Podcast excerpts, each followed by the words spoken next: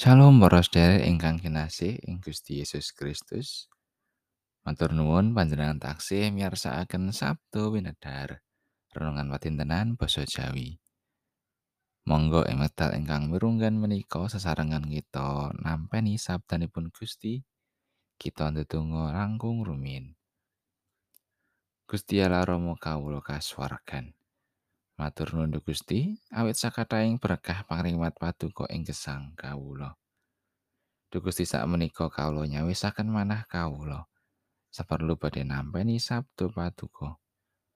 Mugi Gusti madangi manah kawula. Nyagetaken kawula mangertosi lan nindakaken menapa ingkang paduka kersakaken tumrap kawula. Matur nuwun Gusti. Kawula ngrumaosi dereng saged ngecakaken dawuh paduka kanthi sampurna. Tasih kathah dosa kalepatan kawula, mugi Gusti kersa ngapunteni.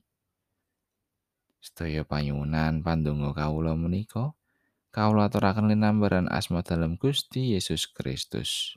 Amin. Wawasan kapendet saking Efesus bab kali ayat 11 ngantos kalih likur.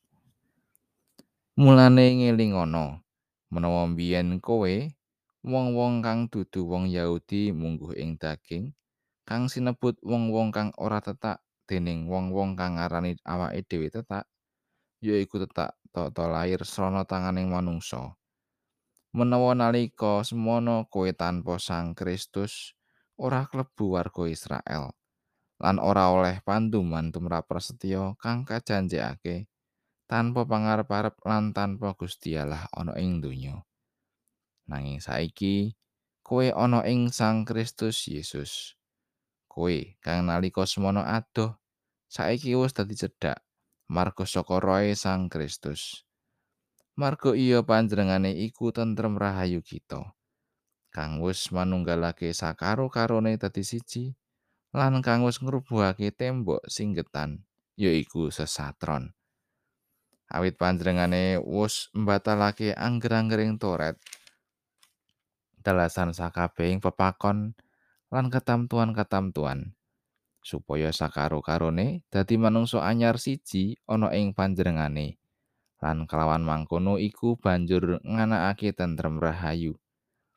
Lan kanggo ngrukunake sakaro-karone ana ing badan siji karo Gusti Allah srana salib kanthi ngilangake sesatron kang ana ing salib iku. Panjenengane rawuh lan martakake tentrem rahayu marang kowe kabeh kang adoh lan marang wong-wong kang cedhak. Awit iya marga saka panjenengane iku kita sakarone ana ing roh siji padha oleh dalan marang ing ngarsane Sang Rama. Marga saka iku kowe dudu wong manca lan wong neneka maneh. Nanging wis manjing dadi sagolongan karo para suci lan manjing dadi prayating Allah. Kang kabangun adhedhasar ing para rasul lan para nabi. Kalawan Sang Kristus Yesus kang minangka watuning pepojok. Iya panjenengane iku kang dadi margane sagedhong kabeh.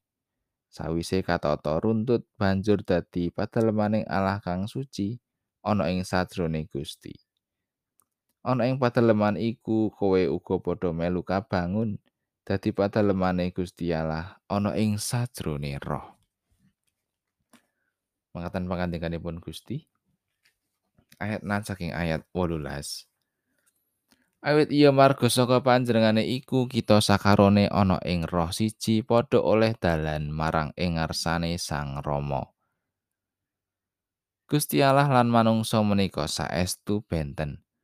Perkawis menika boten perlu dipun rembak malih, boten saged dipun ewahi malih. Seratipun Rasul Paulus dhateng pasamuan ing kitha Efesus ngetingalaken kasunyatan menika kanthi cetha. Sumangga kita kilut sesarengan. Wonten ing Efesus kali ayat 11 ngantos kali likur, kita saged mangertosi bilih Gusti Allah sampun nyetunggilaken para pitados wonten ing Sang Kristus Yesus. Supados sami nampeni katentreman lan karahayon ing gesangipun. Kanthi mekaten, sae menika tiyang Yahudi menapa dene tiyang non Yahudi sami nampi sih rahmatipun Gusti Yesus ingkang jelari kekalihipun manjing dados priyatipun Allah. menika ingkang sampun dipuntindakaken dening Gusti Yesus. Ananging manungsa menika benten.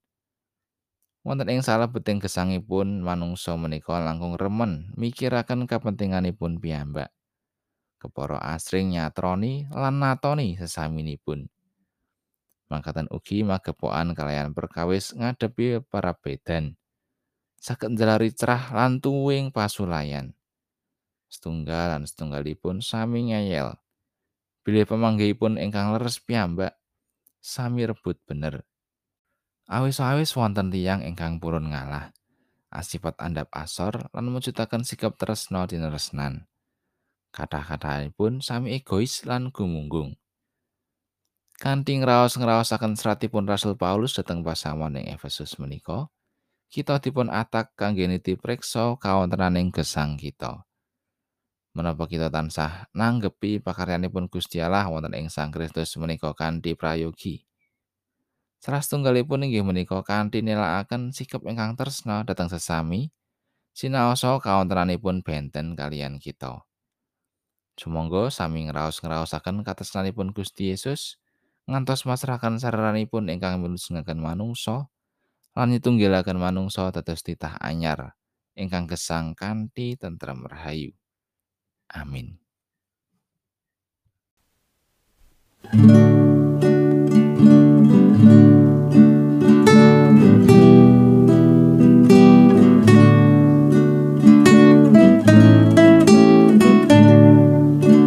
Sang Roh Suci mugi bareng anada itias kula.